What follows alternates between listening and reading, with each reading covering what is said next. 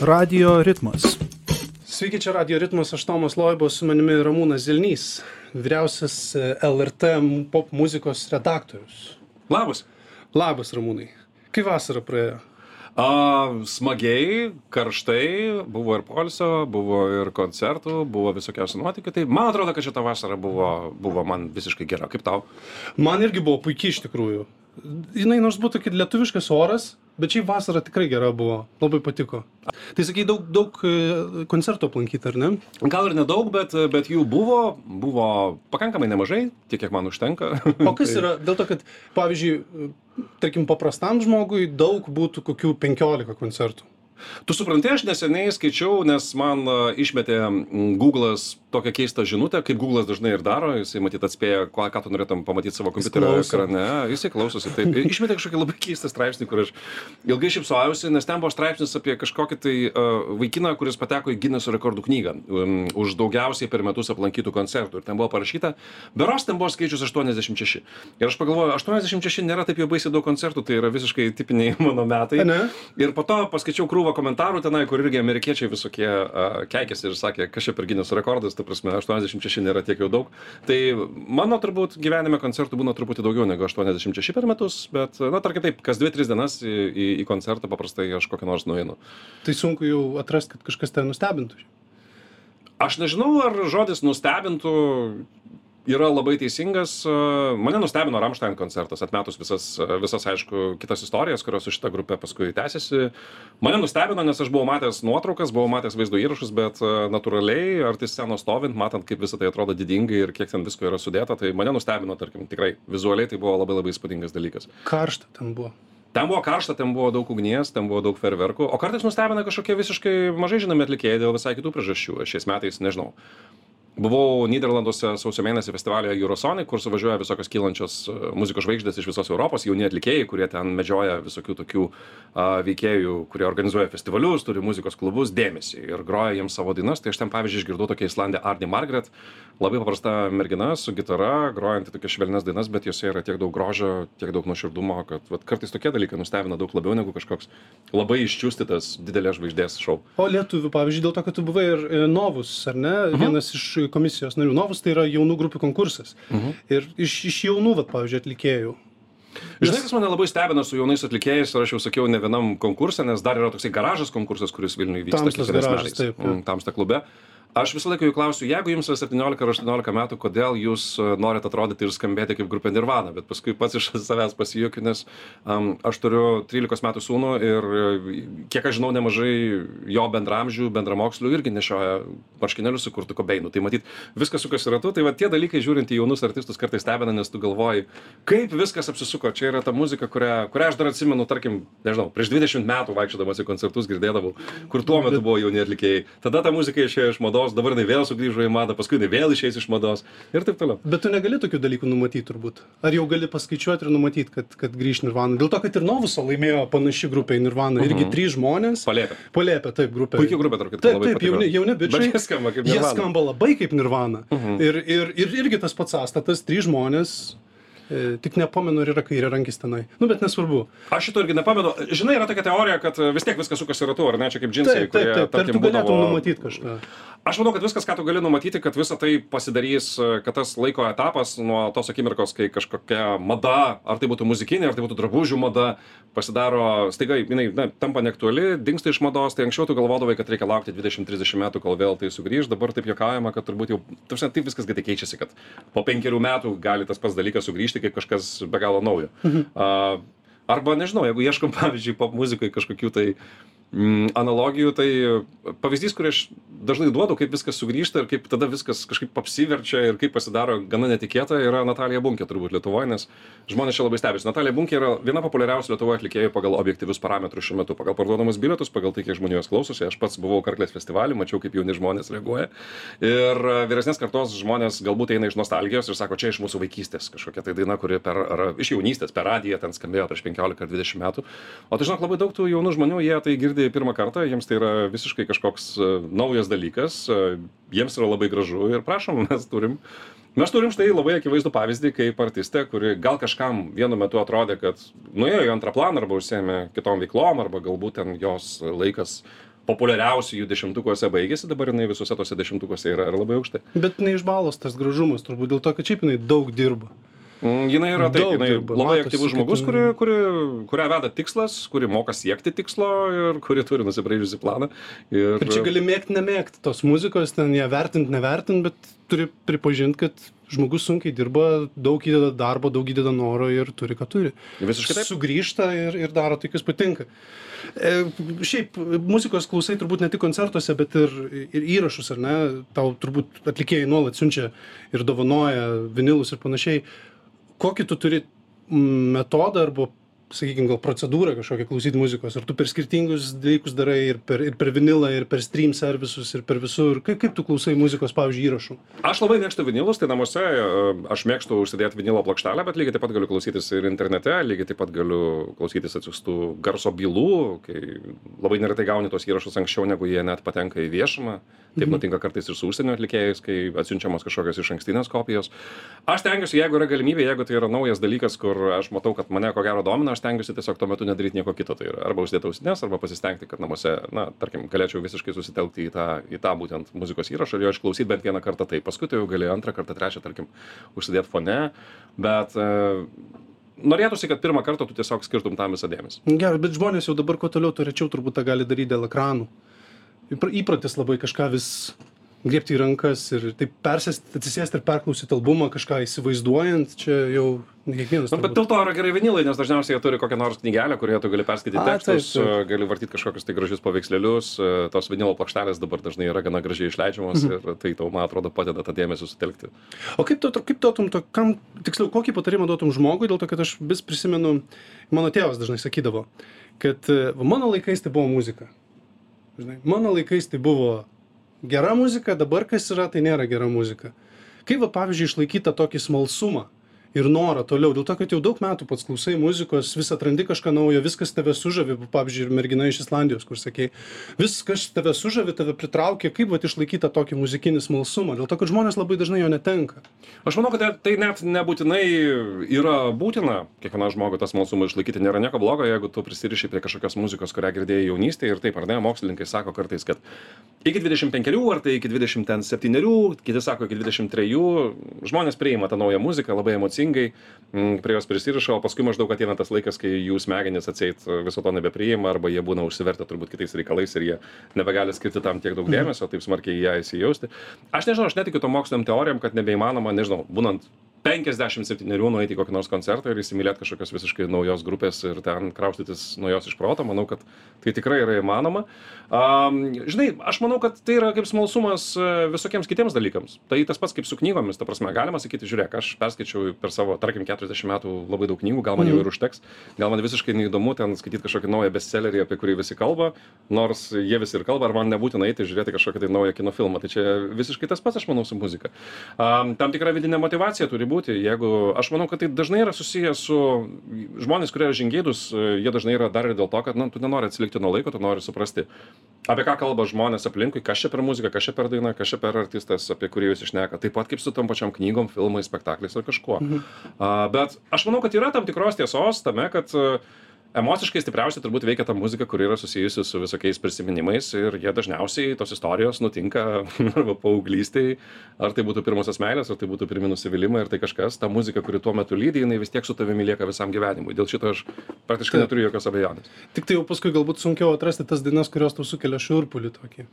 Na, matai, bet tai tada turbūt sunkiau surasti ne tik dainas, bet ir apskritai kokias nors emocijas, kurios tau kelia didžiulį šiurpulį, ar ne? Yra, mm. yra teorija, kad žmonės surambėja, tai surasti, nežinau, naujus jausmus, surasti kažkokį naują patiekalą, kurio tu nesivalgęs niekada gyvenime, o paskui... Irgi receptorių reikia. Tai čia manau, kad kaip visose sferose. Žinai, kas dar labai įdomu apie tave yra, kad tu esi devintas, numeris devyni įtakingiausias pop kultūros žmogus Lietuvoje dabar pagal Delfį. Nematai to sąrašo? Aš žinok, aš pasakysiu labai nuoširdžiai. Aš girdėjau, kad aš ten esu, e, nes Numeris man devyni. draugai pasakė, bet viso sąrašo aš nemačiau, tai jeigu aš ten esu numeris 9, tai taip pat aš esu girdėjęs, kad liktai pernai kažkur panašiai buvo. Tai, e, žinai, e, šitie dalykai, aš, iš jo, aš į juos žiūriu su šypsena, bet tuo pačiu ir su tam tikrų dėkingumu, nes viena, viena vertus, ypač jeigu kalbam apie pop kultūros sąrašus, visi puikiai suvokia, kad tai yra ne apie, dažnu atveju tai nėra apie na, realią kažkokią įtaką įtakingiausia. A, tai labiau galbūt yra apie kažkokį matomumą, žinomumą, vadinasi, tu kažkaip dažnai šmėžuoji, žmonės prisimena galbūt tavo vardą, tavo veidą ir galvoja, va, gal aš už tą žmogų balsuosiu. Tai bet kuriuo atveju, jeigu aš ten kažkur esu, tai turbūt yra įvertinimas e, kažkokių darbų, kažkokių veiklų, kurių aš turbūt turiu pakankamai daug ir žmonės turbūt atkreipia į tai dėmesį. Tai aš neslėpsiu, kiekvienas iš mūsų turi savimylę ir, ir be jokios abejonės tai yra malonu, tai, bet tarkim, ar mano gyvenimas ten sugriūtų, apsiverstų aukštinkojam, jeigu aš ten nebūčiau devintoje vietoje ar nebūčiau netgi ten kažkokiam šimtukė, tai turbūt ne. Bet žinoma, miela. Dabar padarysim trumpą pertrauką, netrukus sugrįšim.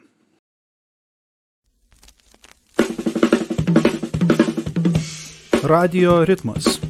Su manimi Ramūnas Zelnys. Tai Lietuvos pop muzikos industrija bendrai šiais laikais. Mhm. Kaip tai apibūdintum? Nes aš kai uždaviau šitą klausimą Monikai Punziūtei, jinai tokį žodį parinko pilna, Ji yra pilna. perpildyta netgi, man atrodo, jinai sakė. nesutinku, kad perpildyta. Čia mes galėtume įsivelti ilgą pokalbį, bet jeigu, jeigu paminėt kažkokius esminius dalykus, tai pirmiausia, muzikos yra daug ir įvairios ir aš manau, kad kiekvienas gali savo kažką išsirinkti. Tai aš nebesutinku su ta fraze, kurią tekdavo girdėti dar prieš keletą metų, oi nėra ką klausyti, oi lietuviai nieko nesukuria, taip toliau, taip toliau. Tas skepticizmas visiškai, visiškai dabar yra neteisingas, nes Jeigu tu nori keisto džiazo su pankroko, tu gali rasti, jeigu tu nori sofistikuoto pop, tu gali rasti, jeigu tu nori paprastų pop dainų, tu gali rasti, jeigu tu nori visiškai standarto, tu gali rasti, jeigu tu nori pop su repu, su R&B, tu gali rasti. Visko yra, tik tai mokėkim domėtis, atrasti. Tikrai yra visko daug. Dabar kalbant apie tai, ką Monika Pundziūtė turėjo omeny, turbūt sakydama apie tai, kad scena yra pilna, yra ta, kad aš nežinau, kaip bus toliau su visomis kalbomis apie recesijas, apie visokius ekonominius nerimus, galų gale ten ir karas Ukrainoje paveikė tam tikrus dalykus. Bet po COVID atsigavimas buvo toks įspūdingas ir šiais metais yra taip smarkiai prisotintas koncertų kalendorius a, Vilniuje, tu gali ir ką tu puikiai žinai, vasaros sezono metu, praktiškai kiekvieną dieną nuo pirmadienio iki penktadienio, savaitgalis gal kiek ramiau, nes visi išvažiuoja prie jūros ar ežerų, tu nueiti į 2-3 įdomius koncertus ir tų koncertų yra labai daug. Aš jau nekalbu apie didžiosios vasaros festivalius, apie tai, kad atvažiuoja daug užsienio žvaigždžių vis daugiau ir tarkim šiais metais turėjome ir Rammstein, ir Imagine Dragons, galų gale dar šalia Lenkai turėjo Harry Stylesą, Beyoncé, Estai turėjo The Weeknd, Depeche Mode, Sam Smith buvo Latvijoje, taip toliau. Žodžiu, dabar yra visiška masė renginių ir dėl to duonos kasnio konkuruoja ir didžioji dalis Lietuvos atlikėjų, taip pat konkuruoja ir su užsienio artistais, kurie atvažiuoja ir dažnu atveju tą konkurencinę kovą laimi. Tai ką galbūt turėjo meni Monika Pundziūtė, kad yra kalbų ir pramogų pasaulio užkulisiuose, va vėl atėjo žiema, vėl areniniai turai, vėl vis daugiau atlikėjų veržiasi į didžiausias sales, visi tikisi parduoti gana daug, gana nepigių bilietų. Yra toks nuogastavimas, kuris aš tikiuosi, kad yra nepagrystas, kad vieną dieną tai gali baigtis, nes a, pirmą žmonės tiesiog, na, arba jie visko persivalgys ir jiems a, viskas atsibos, arba tiesiog galbūt bus kažkokios tai ekonominės situacijos, kuriuose jie infliacija ir visa kita, brangstančios būsto paskolos, kur jie nuspręs tam tikrų metų, kad jie nebegali leisti tiek pinigų pramogai, muzikai, kiek jie leidžia šiuo metu. Bet dabartiniai situacijai aš apibūdinčiau Lietuvos pop industriją kaip išgyvenančią tokio vis dar veržlaus augimo ir tam tikro sotumo metą. Ta prasme, kalbėkim atvirai, populiariausi Lietuvos atlikėjai, aš manau, kad e, uždirba tikrai labai respektabilias pajamas ir jaučiasi gana komfortiškai. Ir jeigu dar prieš keletą metų būdavo tokios šnekos, kad, na, dainininko, pop dainininko, tarkim, yra labai sudėtingas gyvenimas, būtis, taip toliau, taip toliau, tai šiuo metu, jeigu mes kalbam apie didelius vardus, e, nu, tai yra žmonės, kurie tikrai iš savo, iš savo muzikos, iš savo pasirodymų uždirba gana daug. Nu, tai anksčiau būdavo vienas kitas, kad uždirbdavo daug, o dabar jau yra turbūt dešimtis, gal net galima sakyti. Šiaip žmonių, kurie gyvena iš muzikos, tarkim, vienai per kitaip, ar užkuliuosiuose dėl to, kad tie patys garsistai geri, irgi jų, irgi darbas juk sunkus. Na, bet vėlgi, matai, buvo koronaviruso pandemija. Taip, tai, visi tai, tai buvo žiauriai pasilgę kai- ir žmonės sėdėjo namie, tie patys atlikėjai sėdėjo, kūrė daug, rašė daug tikrai gerų dainų, kur paskui išėjo daug ir gerų albumų ir, ir, ir žmonių. Bet lygiai taip pat, pavyzdžiui, kalbant apie tos pačius koncertus, tai, vat, kaip ir pats sakėjai, tai ne viskas šiaip mokama yra. Ta prasme gali tu nemokamai labai daug dabar koncertų aplankyt net ir tam pačiam vilniuj be jokios abejonės. Taip pat jau ten festivaliai ir panašūs dalykai jie nemokami. Bet randasi daug intrigų šiaip ir kažkokių tai pavydų dalykų tokių tarp atlikėjų tarkim užkulisiuose ar tu nelabai į tai gilinies ir nelabai to matai aš nelabai į tai gilinausi bet a, mano akimis tai nelabai. Ta prasme aš manau kad didelė dalis tų artistų paprasčiausiai neturi laiko tom intrigoms nes kaip ir sakiau jeigu jūs a, pabendrausit su kokiu nors žinomu lietuvos atlikėju tai sužinosit kad jisai visą vasarą kiekvieną savaitę koncertavo gal dar buvo ir kažkokie privatūs vakarėliai apie kuriuos mes nežinome ir taip toliau. Ir tai tiesiog nėra tas metas kai tarpusavyje kažkas kažkam bandytų nežinau kandžiot gerkles arba kažkas apie kažką. Man aš sakyčiau kad yra gana įmanoma tai ar čia labiau vadybininkų darbas tarp menininkų tokie dalykai ar čia labiau mitas yra net yra konkurencija be jokios Ne, tai abejonės konkurencija yra taip, bet ta prasme, kad vienas prieš kitą bandytų kažkaip užlysti, lyst, ten kast kažkaip. Aš visko esu matęs. Esu Ane? matęs įvairiausių variantų. Galų gale ta pati, ta pati Eurovizija irgi natūralu, ta konkurencija kiekvienais metais būna ir, tarkim, būna metų, kai jinai yra gana rami, būna metų, kai, na, tarkim, viena stovykla, nesakysiu nei kieno, nei kaip, bet vienų artistų stovykla prieš kitų artistų stovyklą ieško kažkokio tai, kažkokio, kažkokios tai informacijos, kad e, gal dar viena ar kita daina, o gal čia ji netyčia nuo kažkur kažkaip tai gal ten nukopijuota. nors tai. Aš manau, kad yra tokių, būna tokių dalykų, būna tų visų užkulisinių kovų, galų galia jos vyksta net ir per tokius a, net ir per viešus pasisakymus, nes, tarkim, toje pačioje Eurovizijos atrankoje ateina metas, kai išriškėja favoritai ir tu gali perskaityti vieną kitą interviu, kur vienas artistas, e, na, dažniausiai tarp eilučių, bet e, kažką tai bando pasakyti apie kitą artistą, kad maždaug mano kandidatūra būtų geresnė, nes, nes va tas tai čia maždaug gal ne į temą dabar, o gal taip, o gal Na, ne. bet čia toks aiškus konkursas, žinai, jie ten, Mhm. jie ten taip, aišku, konkuruoja dėl, dėl dėmesio, ten dėl to kažkokio, tai nežinau, gal daugiau taškų, gal, bet ar čia, nu nežinau. Aš nežinau, žinai, aš to pasakysiu, šiaip menininkai yra šiaip emocingi žmonės ir jeigu mes kalbam, kalbam apie kažkokius konfliktus, tai dažniausiai jie turbūt apsiriboja kažkokiamis emocijomis po, po kažkokio koncerto arba kažkam, vienam kažkas pavyko, kitam nepavyko, bet aš tikrai nesu girdėjęs daug istorijų, kad, nežinau, kažkas pykstasi taip, kad nesisveikina ir ten yra kažkokios tai varžovų stovyklos, kaip mes senais laikais prisiklausydavom, kaip ten klaipėdai popo, Vilniui rokas ir jie ten vieni kitų nemėgsta ir ten vienas apie kitą atsiet negražiai kalba. Visą šitą, man atrodo, dabar, dabar kažkaip visi suaugo ir viskas yra labai paprasta, kiekvienas daro savo darbą, kiekvienas jaučia, kad turi savo nišą ir kažkaip mm, pyktis su kitais. Aš, aš, aš nesu girdėjęs tokių istorijų, kurias būtų galima ten paversti kažkokią antraštę dabar. O kaip e, su tavim, pavyzdžiui, bendrauja atlikėjai? A, visiškai paprastai mes, tarkim, kas yra įdomu, um, vėlgi žmonės kartais nustemba, bet e, aš negalėčiau pasakyti, kad aš su kažkuo iš jų esu uh, super draugiškuose santykiuose, kad mes lankomės vieni pas kitus svečiuose, kad uh, švenčiam kartu gimtadienius ir taip toliau, taip toliau. Žinok, labai labai nedaug. Ane? kažkaip, ir tai nutiko kažkaip savaime, aš niekada, gal dėl savo tam tikro introvertiškumo, aš niekada nelyzdavau į akis toliau negu, negu na, siekia tas profesinis laukas. Mes galim susitikti per kažkokį renginį su didžiaja dalim turbūt Lietuvos atlikėjų kokią valandą kalbėtis apie tai, kas vyksta jų gyvenime, kaip ten pas juos reikalai su koncertais, kas čia bus toliau, taip toliau, taip toliau, bet tai praktiškai niekada nevirsta kažkokiais, eime dabar susitikim kitą savaitgalį, nežinau, žaiskim krepšinį arba ten ateik ten į mano ten vaikų gimtadienį ir, ir taip toliau. Tai ir aš manau, kad tam tikrą prasme yra sveika tą tam tikrą atstumą palaikyti, nes tu, mano veikloje man kartais tenka daryti ir sprendimus, kurie vienaip ar kitaip susiję su viena ar kita jų daina, ten jos transliavimu arba ten pristatymu. Arba netransliavimu, arba ar nepristatymu. tai iš esmės aš manau, kad tai, kad e, ta tam tikra distancija yra, yra labai labai sveika, nes e, jeigu tu būtum, nežinau, visų Lietuvos muzikantų geriausias draugas, tai tada turbūt būtų sudėtinga um, tą veiklą, kurią man tenka vykdyti, vykdyti. Bet norėtum, pavyzdžiui, būti su kažkuo tai draugais. Tarkim, nebūtinai iš Lietuvos muzikantų.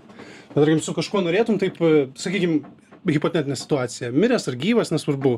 Pasidėti prie vakarienės stalo, tarkim, išgerti skanaus vyno, neribotą laiką, pasidėti ir pašnekėti apie gyvenimą. Suprantu, jokingiausia, kad turbūt vienas iš geriausių mano draugų tai ir yra muzikantas, bet jis yra iš Latvijos, nes tai yra Renaras Kauperis iš grupės Brainstorm. ir- Mhm. Ir mes kažkaip susipažinom prieš 20 metų, kai aš atėjau imti interviu ir kažkaip, na, va, tai būna kartais, kai žmonės pajunta kažkokį tokį, kad... Suklikina, taip. Ir mes taip suklikinom, kad mes visą laiką juokiamės, nes matomės turbūt du kartus per metus, kai jisai atvažiuoja į Lietuvą koncertuoti arba kai aš nukeliauju į Latviją atostogauti, nes jisai ten netoliese, turi namus Liepoje ir mes galim nesimatyti pusę metų ir pratesti pokalbį nuo vidurio sakinio, kur mes pabaigėm prieš tai. Tai, tai taip, tai jis yra labai puikus žmogus, talentingas žmogus, bet šiaip tiesiog, pirmiausia, tai yra tiesiog labai geras draugas ir mes susitikę su juo, mes, tarkim, Mes nedarom interviu su juo atsisėdę, mes tiesiog, mes tiesiog šnekučiuojamės, kaip tu sakai, geriam nealkoholinį vyną, kalbamės apie futbolą, ledo rytulį, apie tai, kaip ten Latvijoje sekasi krepšininkams ir taip toliau. O iš legendų, pavyzdžiui, su kuo norėtum taip.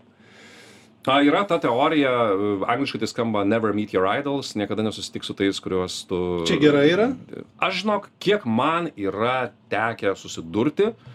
Ir vėlgi aš nenoriu romantizuoti tų susidūrimų, nes žmonės, na, pamato nuotrauką, kad tu ten, nežinau, šnekėsi su Robiu Williamsu per Zoomą arba ten stovi apsikabinęs ten Martiną Gorą iš grupės Depeche Mode ir galbūt jiems kartais atrodo, kad jūs va, tris valandas čia leidot laiką kartu, išsipasakoja visą savo nuodėmės, taip toliau. Dažniausiai tai yra dešimties minučių pabendravimas, kuris yra apribotas griežtų taisyklių ir jis yra susijęs su, su tuo, ką nori artistas papasakoti apie savo, tarkim, naują albumą arba savo koncertų turą.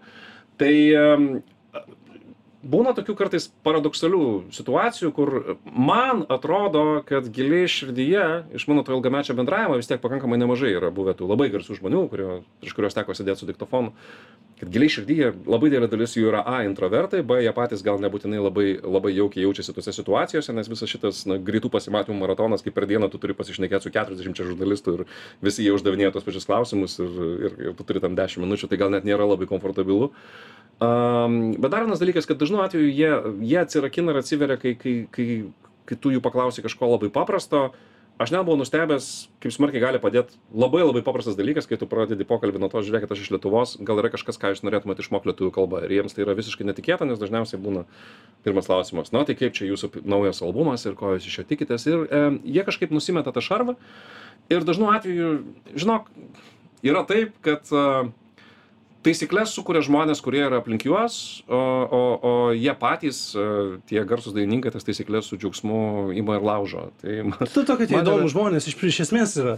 Na, arba žinai, nu, būna tokių paradoksalių, juokingų situacijų. Aš jau esu pasakojęs bičiuliams, kur, e, aš nežinau, aš buvau, aš buvau praėjusiais metais Berlyne kalbinti Depešmot, gavau Martiną Gorą, tos grupės lyderį ir, ir po, po, po pokalbio paprašiau pasirašyti keletą plokštelių, pasidariau nuotrauką su juo ir taip toliau. Jis buvo nustebęs, po to aš išėjau lauk ir sužinojau, kad tik ką tu negavai elektroninio laiško prieš tai, griežtai draudžiama prašyti autografų ir griežtai draudžiama fotografuotis. Ir aš parodžiau visą savo elektroninę pašto dėžutę, sakau, jūs man pamiršote tai atsiųsti. ir jie iš tiesų pamiršo. Ir ar jam buvo labai čia nemalonu, tai tikrai nesijautė, kad jam tai yra kažkas tokio nesmagaus ar dar kažką. Tai, nu, tai, tai toks, nežinau, visi mes esam, visi jie yra žmonės, galų gale visi jie kartais būna ir paniurę, ir nuliūdę, ir, ir, ir, ir visokie. Bet jeigu tu mes klausi, jeigu aš kada nors būčiau turėjęs galimybę su gyvu ar mirusiu pasidėti, man būtų buvę labai įdomu pasidėti su Davidu Bauviu. Uh, nors greičiausiai net nesugalvočiau, ką protingo jo paklausti, nes jis irgi garsėjo tokia didelė ironija ir, ir būtų buvę labai įdomu pasidėti su Fredžiu Merkuriu, su, su Franku Zappa ir taip toliau. Iš gyvų būtų labai įdomu pasidėti su, uh, su YouTube dainininku Bono, nes YouTube viena mano mėgstamiausių grupių ir beje, aš turiu pažįstamų, kurie yra su juo sėdėję ir pasakojo, kad šiaip tai labai savas ir, ir, ir draugiškas bičias ir taip toliau ir galbūt tas pokalbis visai būtų smagus, bet ką gali žinot? Dabar padarysim trumpą pertrauką, netrukus sugrįžim.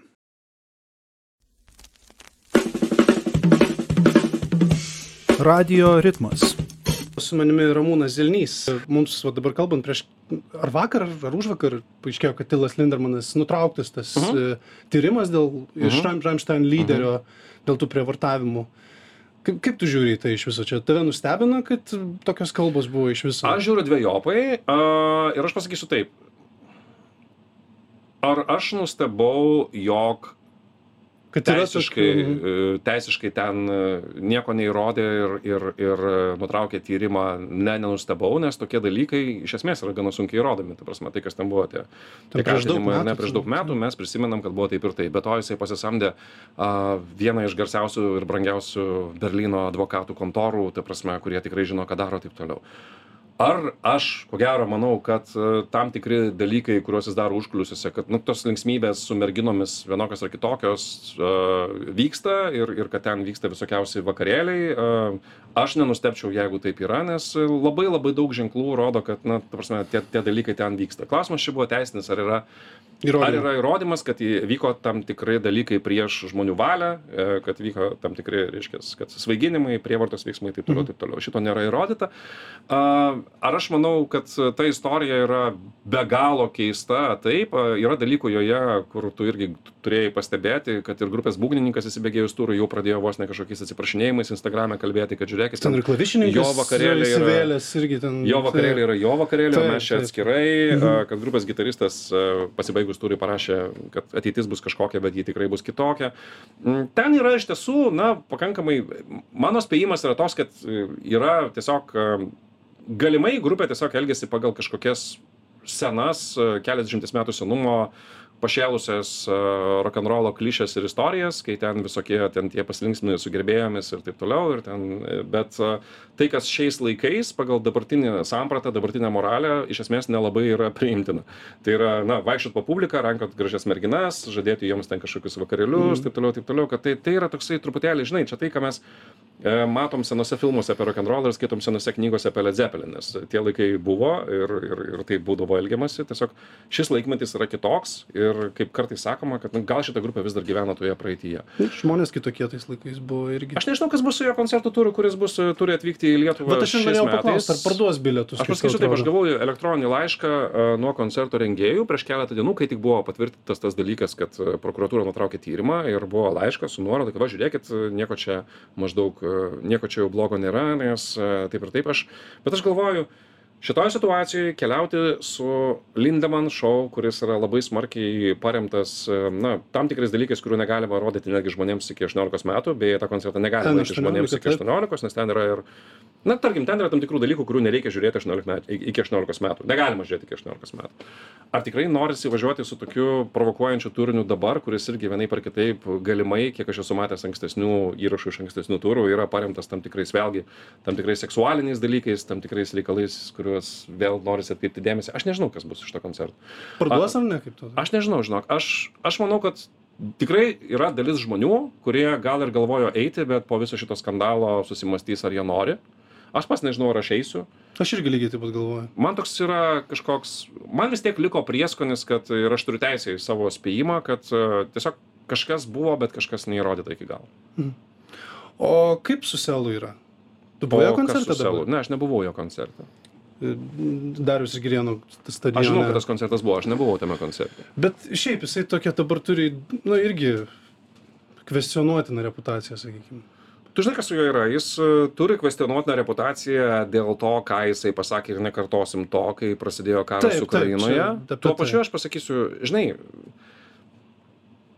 Lietuvos pramogų pasaulyje aš manau, kad e, yra taip, jog selas daug metų rinko tam tikras pražangas su savo elgesiais e, ir poelgiais kurie toli gražu ne visiems atrodo korektiški ir geri ir mes visi žinom apie ką eina kalba nuo visokių konfliktų su policija baigiant visokiais kitais dalykais. Kitų lietuvos artistų įžeidinėjimais atviru tekstu ir taip toliau. Aš nuoširdžiai manau nes tenka bendraut su muzikantais gana daug ir aš suprantu kad į tą koncertą susirinko daug žmonių ir tai yra tų žmonių teisė eiti į tą koncertą tas koncertas jeigu yra leistas neuždraustas taip toliau taip toliau. Bet muzikos pasaulyje pramogų pasaulyje kiek tenka bendrauti. Žinai man susidaro įspūdis kad tiesiog tai buvo paskutinis lašas ir tam tikra prasme žmonės pasakė viskas čia buvo paskutinis lašas tas pasisakymas apie ukrainą ir mes tiesiog nebenorim tiesiog nebenorim bendraut nebenorim turėt reikalų. Bet čia būtent iš muzikos kolegų jo ar ne? Man susidaro toks įspūdis. Aš nepretenduoju nes grupė susirinko vis tiek didelis sąstatas žmonių viskas okei grojo gyvai. E, aš esu skaitęs bet neteigsiu aš esu skaitęs buvusio būgnininko parašymą feisbuke kad ten skambėjo dalyje bent koncerto senas sel grupės įrašas kuris buvo naudojamas tai bet ten buvo taip žinoma muzikantų čia nėra turbūt jokia paslaptis nes nuo scenos aš mačiau įrašus buvo pasakyta gintas gascevičius iš grupės biks romas rainys kuris kadaise grojo su andrium mamontovu tai yra bent du atlikėjai kuriuos aš žinau kurie toliau groja su sel. Um, tu žinai uh, aš esu mes mes su egiu esam pažįstami ir pažįstami daug metų uh, bet aš esu priėmęs tokį tam tikrą aš aš aš senokai tiesą sakant nėjau į sel koncertus ir viena iš priežasčių dėl kurių aš to nedariau dėl to kad aš mačiau koncertą aš bijau sumeluot prieš šešerius metus. Ir aš tada supratau kad e, muzikine prasme iš to kas man iš tiesų būtų įdomu tą ką aš mačiau instagrame nes vis tiek išmeta storius žmonės žmonės įkelia kai kaip va čia dabar įvyko. Aš nematau kad kažkas būtų labai smarkiai pasikeitę. Tai yra iš esmės ar tai būtų naujos kažkokios dainos ar tai būtų naujas kažkoks tai skambesys ar tai būtų kažkas aš iš esmės na aš manau kad netgi pažiūrėjęs į į į tai ką aš mačiau dabar internete tuos įrašus man toks įspūdis kad aš šitą koncertą jau mačiau prieš šešerius metus tai aš nesu tikras kad kasmet norisi eiti ir vėl vėl tai klausytis mhm. bet faktas kad um, žmogus faktas kad yra sudėtingas Uh, ir pasikartosiu, aš manau, kad, uh, kad tiesiog, manau, kad daugam išsako kantrybę. Bet uh, Bet ir čia yra tokias reputacinė, reputacinė, kaip čia pasakyti, reputacinė žala savo padaryta, kad jau visiškai negali grįžti. Iš- yra labai nedaug dalykų pasaulyje, kur reputacinė žala yra tokia, kad niekaip, niekaip negali grįžti. Čia aš kaip stebintis ten daug metų, ta, tarkim, tuos, tarkim, popkultūros visokias asmenybės ir taip toliau. Nu, ir Kelly, skandalus. pavyzdžiui. Ne, taip, tai mes aš tą būčiau paminėjęs. taip, taip. Ta prasme, yra baisus, nežinau, seksualiniai. seksualiniai, seksualiniai išnaudojimai. Taip, vaikų praktiškai abejonės. ten. Be jokios tai- abejonės. Bet, Bet čia tai tiesiog nusišnekėjimas, kur, nu, tiesiog gal tai buvo, aš, gal tai buvo vienu nusišnekėjimu per daug. Ta Mm. prasme, tai yra ne toks, vietoj, ne laiku labai. Um, Bet man viena vertus tai man keista, kad kažkam kilo, kla, kilo mintis paklausti jo apie tai. kad, ar jo Egidijaus Dragūno kažkas- paklausti apie situaciją Ar Ukrainoje. kažkas jo ten klausė iš viso, man Nes atrodo, jisai kad sakė video, kad jo klausinėja žmonės. Aš manau, kad tiesiog žmogus atsisėdo, nufilmavo video ir, ir Kažką pašnekėjo. Ir kažką pašnekėjo, bet kuriuo atveju, na, tas koncertas įvyko, turbūt ir daugiau bus koncertų, bet aš prisipažinsiu, tai tiesiog nėra mano šiuo metu ir tai dėl Dievo meilės, ten be jokios arogancijos ar kažko, tai tiesiog nėra mano domėjimosi laukas šiuo metu, ką, ką, ką, jis, ką jis daro ir kas ten toliau su juo vyksta. O klausai, kaip, kaip sekasi Ukrainos e, industrijai muzikos? Tai yra gana įdomi tema, nes jie gana daug keliauja po pasaulį ir ypač tas buvo smarkiai jaučiama prasidėjus karui, nes a, man yra tekę bendrauti ir su festivalių Ukrainos rengėjais, ir su pačiais muzikantais. Ten buvo ta tema, jog a, iš esmės artistams, jeigu jie a, išvykę į užsienį koncertų metu renka lėšas Ukrainai arba kitokiu būdu skleidžia žinią apie karą Ukrainai, dalyvauja visokiausiose konferencijose, akcijose taip toliau, a, buvo gana nesudėtinga gauti leidimą išvykti iš šalies ir rengti tos pasirodymus. Man yra tekę apie tai kalbėti ir su, ir su Eurovizijos laimėtojais Kaluš orkestra, ir su grupa Kasika, kuri buvo atvykusi į Klaipėdą pernai, koncertavo jūros šventėje ir tai nebuvo vienintelis jos koncertas. A, tu žinai, jausmas yra toks, kad pradžioje yra didžiulis susidomėjimas, a, paskui tie koncertai toliau vyksta, bet tarkim, kad ir kaip tai liūdnai skambėtų, kaip ir apskaitai situacija Ukrainoje, kuri, kalbėkime atvirai, vakarų žiniasklaidos dėmesio laukia dabar turbūt sulaukia maž, gerokai mažiau dėmesio, negu sulaukdavo, tarkim, prieš, prieš kokius metus. Turi kažkas būtinai ten sprokti ypatingo, kad atsidurtų vėl antraštėse, iš tikrųjų reikia pripažinti tose. Taip. Tai aš manau, kad panašiai yra, yra ir su, su Ukrainos muzika, kita vertus taip ir toliau vyksta ir visokiausi renginiai, ir, ir palaikymo akcijos įvairiose a, pasaulio didmešiuose. Vienas, ko turbūt jau nėra, tai jeigu jūs prisiminsit, buvo net keletas didelių koncertų praėjusiais metais. Vienas iš jų buvo Berlyne, kitas buvo Amsterdame, kitas buvo Varšuvai, kur rinkosi ir žinomi vietiniai atlikėjai ir savo specialius įrašus siuntė ir, ir, ir tarptautinės muzikos žvaigždės. Mm, buvo ir koncertas, kur ne viena Eurovizijos žvaigždė dalyvavo, palaikyti Ukrainai, kur rinkosi didžiulės minios žmonių. Tai tas dalykas, man tas įspūdis, kad jisai jau nebevyksta ir turbūt tai yra dar vienas, dar vienas pavyzdys, kad na, tiesiog šita forma, turbūt dėmesio atkreipimo, dėmesio atkreipimo forma per muziką, per dainas, aš manau, kad kažkuria prasme dabar yra nuėjusi į antrą planą. Bet kaip patiems muzikantam ten išgyventi, jų turbūt daug kas ir kariauti eina, ar ne? Ten yra nemažai tokių istorijų, kur, kur ir, ir, ir, fronte yra atsidūrusių muzikantų, ir yra kas, kas karjerą nutraukė, bet šiaip man susidaro įspūdis, kad e, didesnė dalis tų pačių populiariausių Ukrainos artistų vis dėlto, na, turbūt logika yra tokia, kad kur jie gali būti patys naudingiausi, naudingiausi jie gali būti keldami kovinę dvasę, skleisdami žinią už a, Ukrainos ribų, ypač jeigu tai yra šalise, kuriuose jie turi tam tikrą ir gerbėjų bazę. Tarkim, mes turėsim berods visai greitai bus Okean Elzy dar vienas pasirodymas Lietuvoje ukrainiečių grupės, jeigu aš neklystu.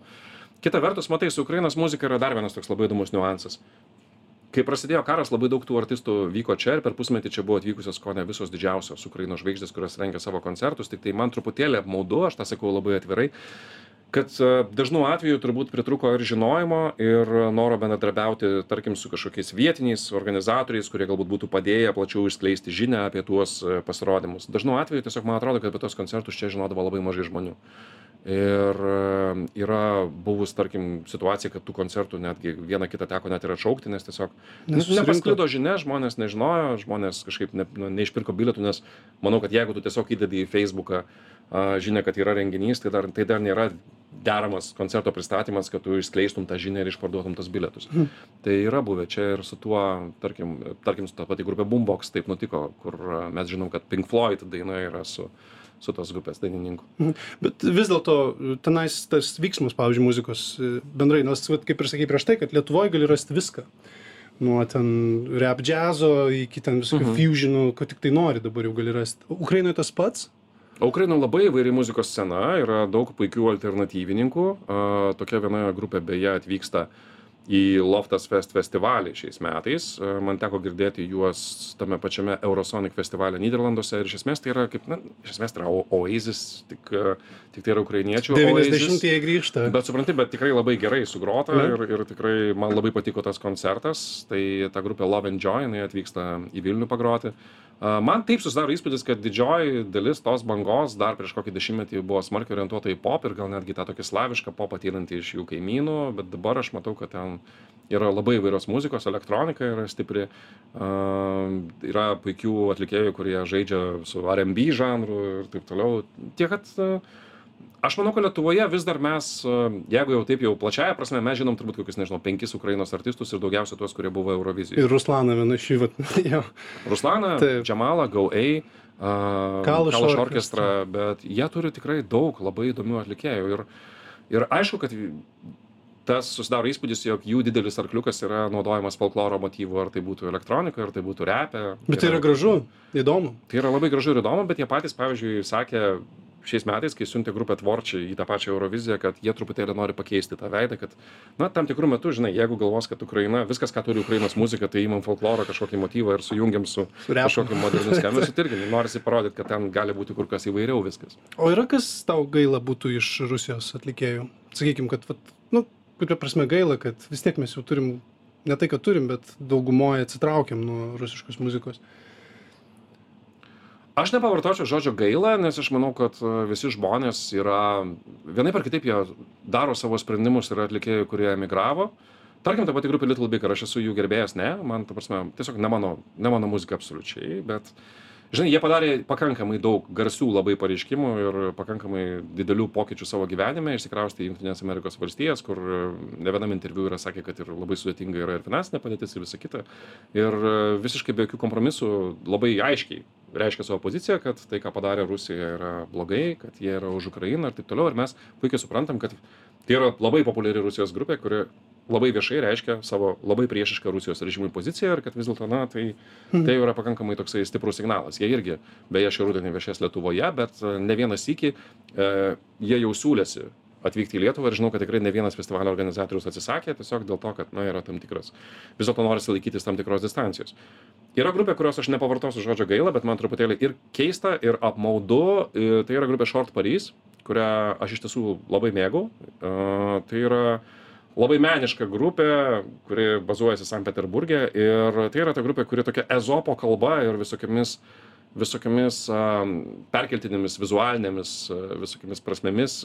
Jie ne vienus metus kritikavo ir Rusijos režimą, ir kai Baltarusijoje, atsimena, prieš porą metų buvo visas tas maištas prieš Lukašenką, jie išleido klipą, kuriame buvo galima žvelgti užuomenų, bet visa tai yra tarp eilučių, jie niekada nieko nesako visiškai tiesiai, bet žiūrėdamas tos grupės vaizdo klipus, tu supranti, kad ten yra labai aiški sistemos kritika. Tai ta grupė vis dėlto pasirinko likti Rusijoje, toliau ten rengia koncertus, vadinasi, moka mokesčius, vadinasi, remia tokiu būdu režimą, bet tuo pačiu jie štai tą ezopo kalbą kažkaip bando, bando kažkaip ten, ten, ten gyvendami kažkaip tai kažkokią tai tą alternatyvę mintį kažkur nešti savo Taip. auditoriją, aš nežinau.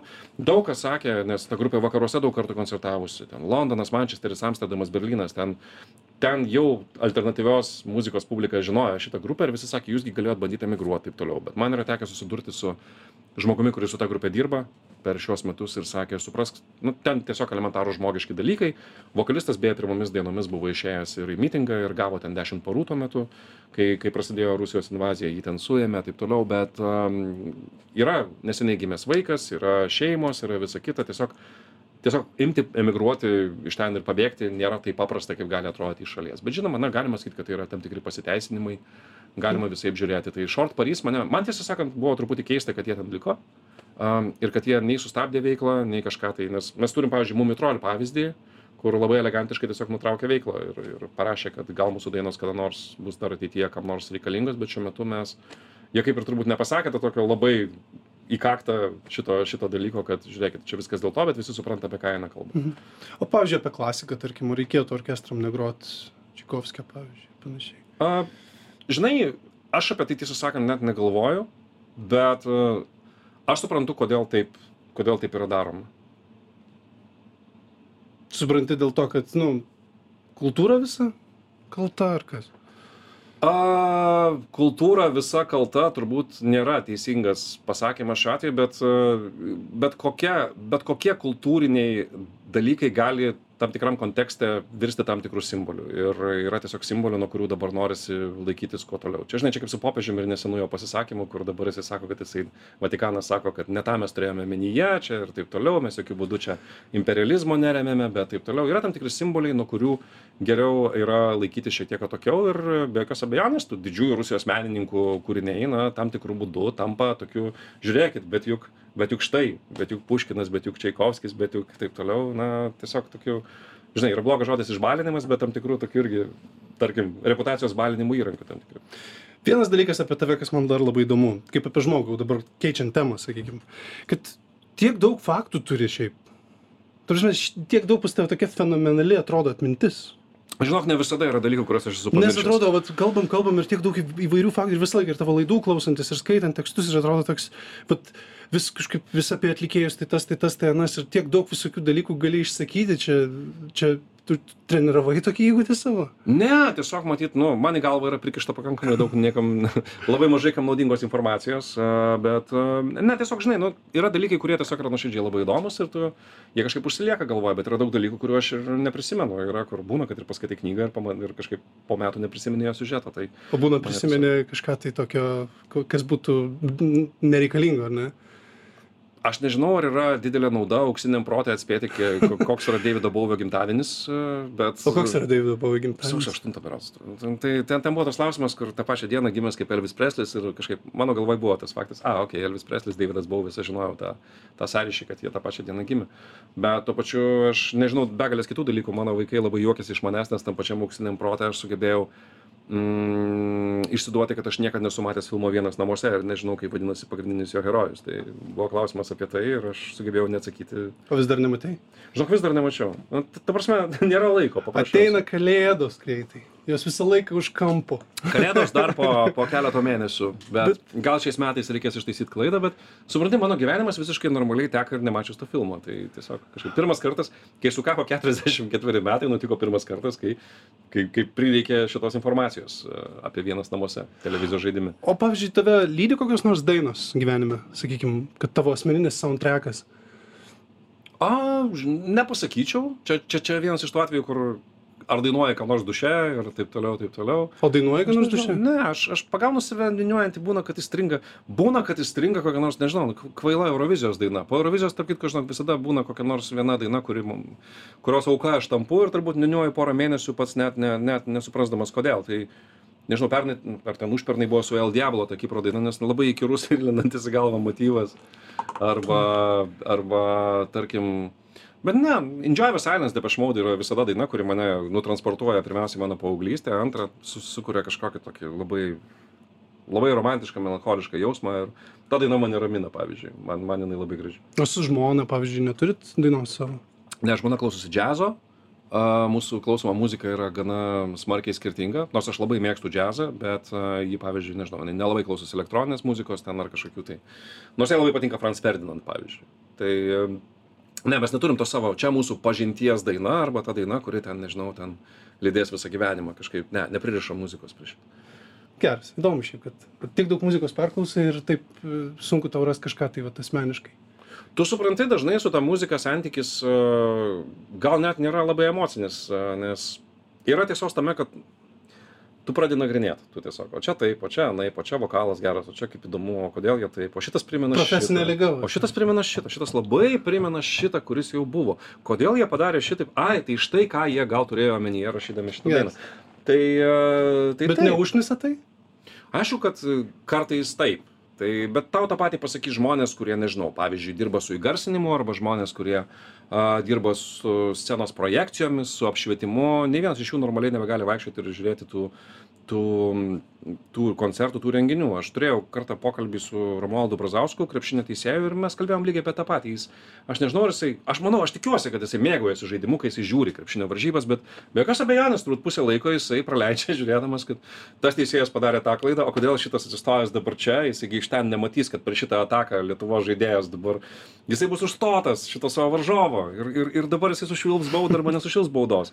Nu, tai yra tos profesinės problemos, kurios, kurios manau, kad ištinka, bet muzikantams yra taip pat. Ašgi, Jeigu Vilniuje yra džiazo koncertas geras, tai būtinai ateis pusė Vilniuje džiazo muzikantų ir pusė jų po to kalbės apie tai, kad va, žiūrėk, ten kontrabosininkas. Kokį solininką pasirinko. ten taip, va, taip, padarė. Ir jie taip, nekalbės taip. apie tai, kokia nuostabi buvo Taip. magija ir kokia emocija čia pagavo. Ne, jie kalbės, kad žiūrėk, gerą instrumentą atsivežė, o šitas tai nesuderinęs iki galo, o šitas, pamatai, apsivertė du kartus. Tai jie kalbės apie tai. O širpai tau eina nuo muzikos? A, kartais, kartais taip, kartais nuo, kartais nuo tokių dalykų, kur tu net nesupranti, gal net ne nuo, nuo to kūrinio, tiesiog nuo pačios aplinkos, nuo pačios emocijos. Man širpėjo, nežinau, buvau Berlyne prieš keletą metų Rolling Stones koncerte ir ten buvo didžiulė minė ir kai jie visi ten per Satisfaction arba ten per Ruby Tuesday, žinai, visi pradeda taip, iš proto. Nuo to viso masės jausmo ir nuo to viso, kad tu esi kažkokio išskirtinio įvykio dalis, tu, tu tikrai tą, tą, tą jausmą pajunti. Man širpai ėjo keistam labai grupės The White Stripes, kurios jau nebėra koncerte, kuris vyko Kaliningrade prieš daug metų. Ir Kaliningrade tuo metu vyko miesto šventė. Ir White Stripes Ir, grojo? ir White Stripes grojo mažyčiam klubai, kurie atėjo gal 200 žmonių. Ir tai buvo savaitė po to, kai jie grojo Glastonberio festivalė, kaip pagrindinės žvaigždės 130 tūkstančių. Tai žmonių buvo gal, gal 200, gal 400, bet tai yra nedidelis pustuštis klubas. Ir tu vaikštai aplink sceną ir groja White Stripes ir jie groja 3 valandas, jie groja su tokiu užsidegimu, kad to eina šiurpas. Čia tik Jack, Jack White'is galėtų taip sugalvoti Čia turbūt. Džekas Vaitas. Man eitų širpai turbūt per Radiohead koncertą, bet aš niekada nebuvau Radiohead koncerte. Ramūnai, linkiu tikrai tau dar daug muzikos atrasti ir daug labai galėčiau dar su tavimi ir kalbėti ir tavęs klausinėti ir klausinės, nes tikrai labai įdomu tavęs klausytis. Tai linkiu daug muzikos atrasti, daug kartų to širpus pajaus, daug gerų Ačiū. koncertų aplankyti, daug fainų žmonių ir atlikėjų sutikti ir mums visiems pristatyti. Ramūnas Zilnys, LRT pop muzikos vyriausias redaktorius buvo radio ritme, aš Tomas Loiba, geros dienos visiems, iki. Iki.